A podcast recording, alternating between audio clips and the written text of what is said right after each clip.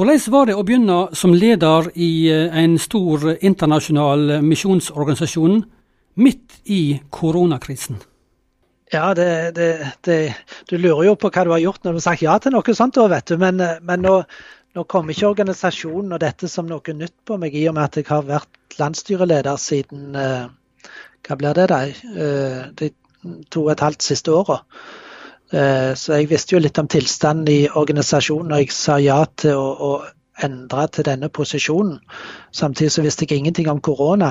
Jeg, jeg, eh, men jeg har hengt på i mars. Jeg har hatt nokså tett, kontro, tett uh, samarbeid med han som var inne og fungerte, så jeg har vært godt orientert om utviklingen hele veien.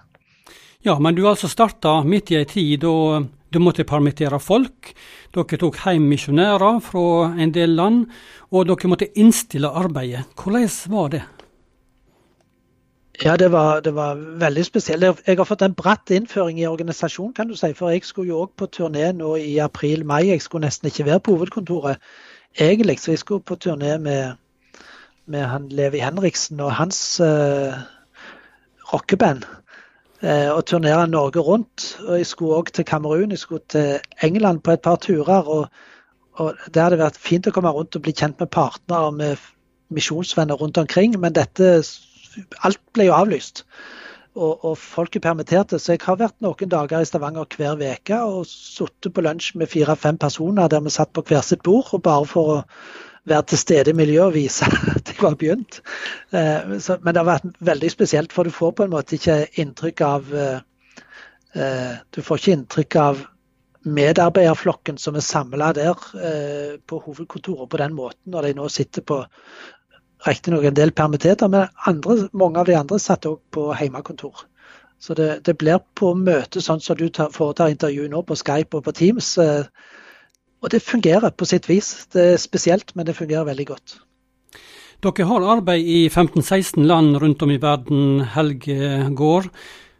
Hva er det som sviver rundt nå på ulike sånne misjonsprosjekter i ulike land for dere? Ja, Vi har rett og slett gått gjennom alle våre prosjekter og sett er det penger som nå ikke blir brukt fordi det er koronanedstenging i veldig mange land.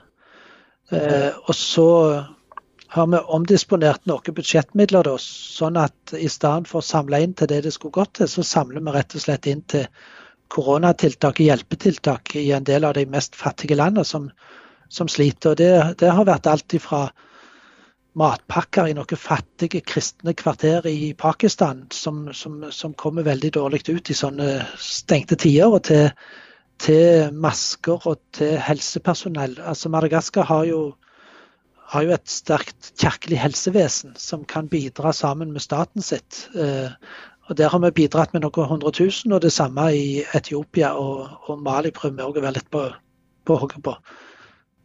Dere har eh, mange gjenbruksbutikker i Norge. De ble òg eh, lukka nå i forbindelse med koronaepidemien. Jeg forstår at butikkene nå sakte, men sikkert skal, skal, starte opp igjen. Men hvor store tap regner dere med innenfor det å få inntekter fra gjenbruksbutikkene? Vi har 51 gjenbruksbutikker, og, og vi taper 1,3 millioner hver uke som de er stengt i inntekter.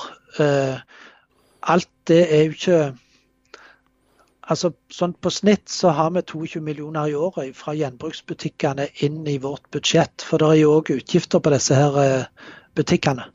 Uh, men, men, når du da ikke får inntektene, så har du heller ikke penger til å dekke de utgiftene som de butikkene har. Så det, det, det, der, dermed vi sier vi har 1,3 millioner i tap per uke. For det, de samler inn en 66 millioner det i år, og gjorde iallfall det i fjor. Og, og, og så får vi røftlig halvparten av det, og halvparten går til å dekke utgifter til bygninger. og sånt. Alle er jo frivillige, så det er jo ikke noe utgifter på, men det er jo ikke noe å permittere der. men men eh, veldig mange av de frivillige der er i risikosone og er i risikoalder, sånn at vi måtte bare stenge ned så fort som mulig. Og andre gaveinntekter. Dere får kollekter, dere får kirkeofringer osv. Og, sånt, og så har de givertjeneste og ulikt. Hvordan ser tallene ut av det du har på bordet så langt, når det gjelder eh, etter koronakrisen? nå? Ja, vi, vi, vi, går nok i minus på halvannen til 1,7 millioner i uka hvis vi tar med regionmøter, områdemøter, eh, eh, foreninger, basarer. Men, men det er rett og slett foreninger som som når de skulle hatt møte, vippse det de hadde tenkt å gi på den foreningen, inn til kasserer. Og så kommer det gaver inn. Eh, så jeg er imponert over kreativiteten og engasjementet. For det står på. Og vi har fått flere store gaver på 10 000 og på 50 000 som viser at folk vil hjelpe til i en utfordrende situasjon. Petro-gjest i dag er Helge S. Gaard. Han er nylig begynt som generalsekretær i Det Norske Misjonsselskap, og hans navn var også framme i media i forbindelse med bispeutnevnelser i Stavanger bispedømme, både i 2017 og i 2019.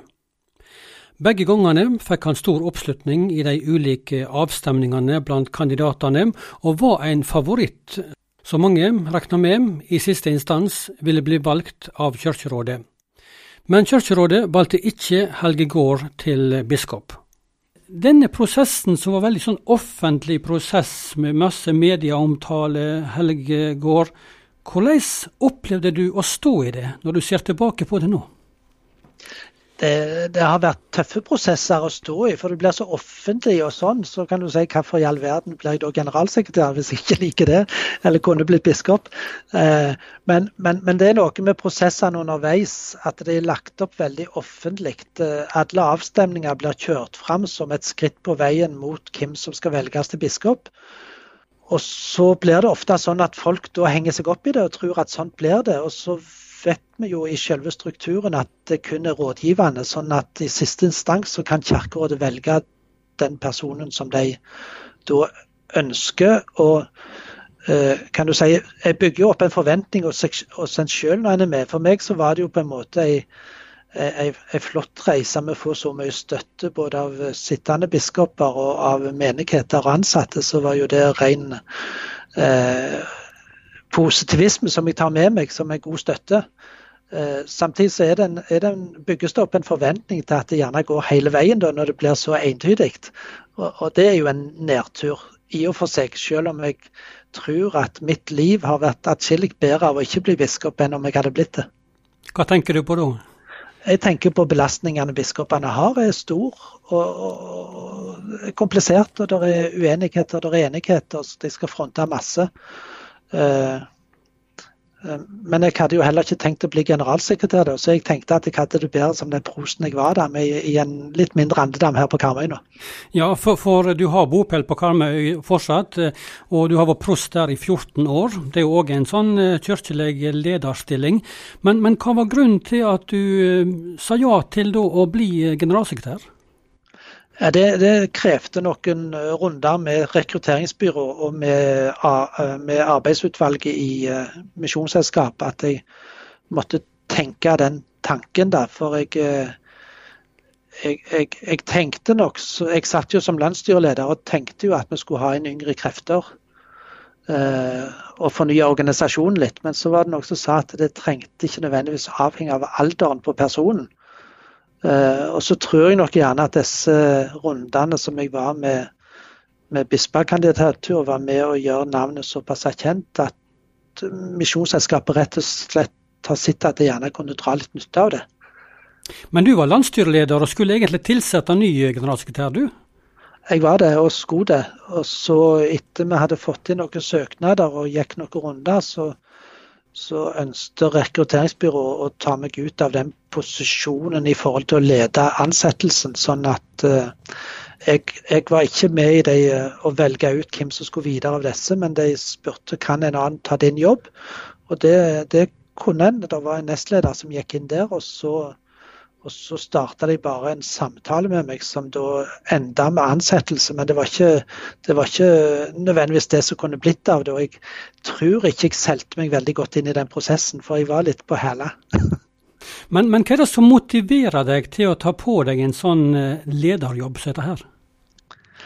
Jeg har alltid latt meg utfordre, og min første tjeneste var på Madagaskar. og og der søkte vi ikke på jobb. Vi hadde søkt og sagt vi villige til å være misjonsprest. Og, og, da var ordningen sånn at kirka der ute bestemte hva arbeid vi skulle inn i. Og det, De plasserte meg på en presteskole til å undervise, og det hadde jeg jo aldri i verden tenkt når jeg sa ja til å reise til Madagaskar. Men, men sånn ble det. og jeg tar imot de utfordringene som kommer og går inn i det og gjør det beste ut av det. Og jeg tenker at hvis vi ikke tar utfordringer, så, så så, så, kan vi heller ikke sitte og etterpå og, og klage over de som tar dem. Altså, vi må være med og bidra, tenker jeg. Men jeg har aldri hatt noe stor ønske om å bli verken leder, biskop eller sånt. Men uh, livet har åpna noen dører som jeg har sagt ja til å gå inn i. Når jeg spurte deg før intervjuet her nå om uh, ja, er du, er du vokst opp på Karmøy, spurte jeg kanskje om. Eh, så sa du at ja, oppveksten din, da var vi innom skal vi se, fire forskjellige plasser, tror jeg. Du er prestesønn, og far din var prest og farta litt rundt ulike plasser i landet. Så du har en litt sånn mangslungen oppvekst? Jeg har det. Og så var det sånn at han, han, han døde faktisk 47 år gammel når han var her på Avaldsnes. Så da ble vi på en måte og, og, familien hans var fra Haugesund, og det var ikke så mange igjen av dem. Men mor mi var fra fastlandskarmøy. Så dette ble på en måte vår heimplass da. Jeg var, jeg var 18-19 år da, i den tida. Og, og, dette ble på en måte vårt faste holdepunkt da etterpå. Men jeg har en omfattende bakgrunn bak meg og har kommet bra ifra det, tror jeg. Eh, men det har òg ført til at jeg ønsker å bo her på Karmøy når, når, jeg begynner på jobb i Stavanger. Men det, det, skal jeg løse på en god måte, med litt pendling og litt ukependling. Og så eh, når koronaen en gang blir ferdig, så blir det mye reisevirksomhet både i inn- og utland. Men eh, du vokste opp med en far som var prest. Det kristne livssynet, var det helt selvsagt for deg at du skulle fortsette i samme lei òg når du ble voksen sjøl? For meg så har, har, jeg vokst opp med kristen tro og vært en helt naturlig del av livet. Det var nok en, en gang på 13-14-årsalderen der jeg følte at jeg måtte ta et standpunkt sjøl og ikke leve på foreldrenes standpunkt. Eh, det var nok mer en tanke som modnes fram det. da. Det var ikke sånn brått der og da. Eh, men, men, eh, det har alltid vært en naturlig del av det. Og det, det, det har liksom ikke vært Hva skal du si? Jeg har hatt gode forbilder jeg har sett opp til. Og, og det har liksom vært så naturlig at det har ikke blitt noe komplisert av det. Eh, så for meg så er det ikke noe Eh, tvil og tro det hører sammen på en måte. Det er ikke motsetninger. Eh, jeg tenker mer vantro er det motsatte. Så det å få leve naturlig i en kristen tro med noe tvil av og til, og noe lurer på hvordan ting henger sammen, det opplever jeg ganske naturlig. Hvis du skal sette noen ord på hva trua betyr i livet ditt nå når du har passert 60 år, hva ord er det du vil bruke da, altså komme først da? Det å tenke at livet her ikke er en tilfeldighet, eh, er stort og viktig. At det er en Gud som holder sin hånd over det. Og ikke minst at den Gud som både skaper allmektighet, er òg den som sendte Jesus for å vise sin kjærlighet til oss og frelse oss. Det gir jo en uendelig verdi både for meg og for de mennesker jeg møter. og Det, det er noe av det som preger trua mi. ja. Gjesten i sendinga i dag det er Helge S. Gaard, som er ny generalsekretær i Det norske misjonsselskap, NMS. Og Du starta jobben nå i vår, eh, og du kom inn i en organisasjon som er i en, eh, hva skal si, en endringsprosess.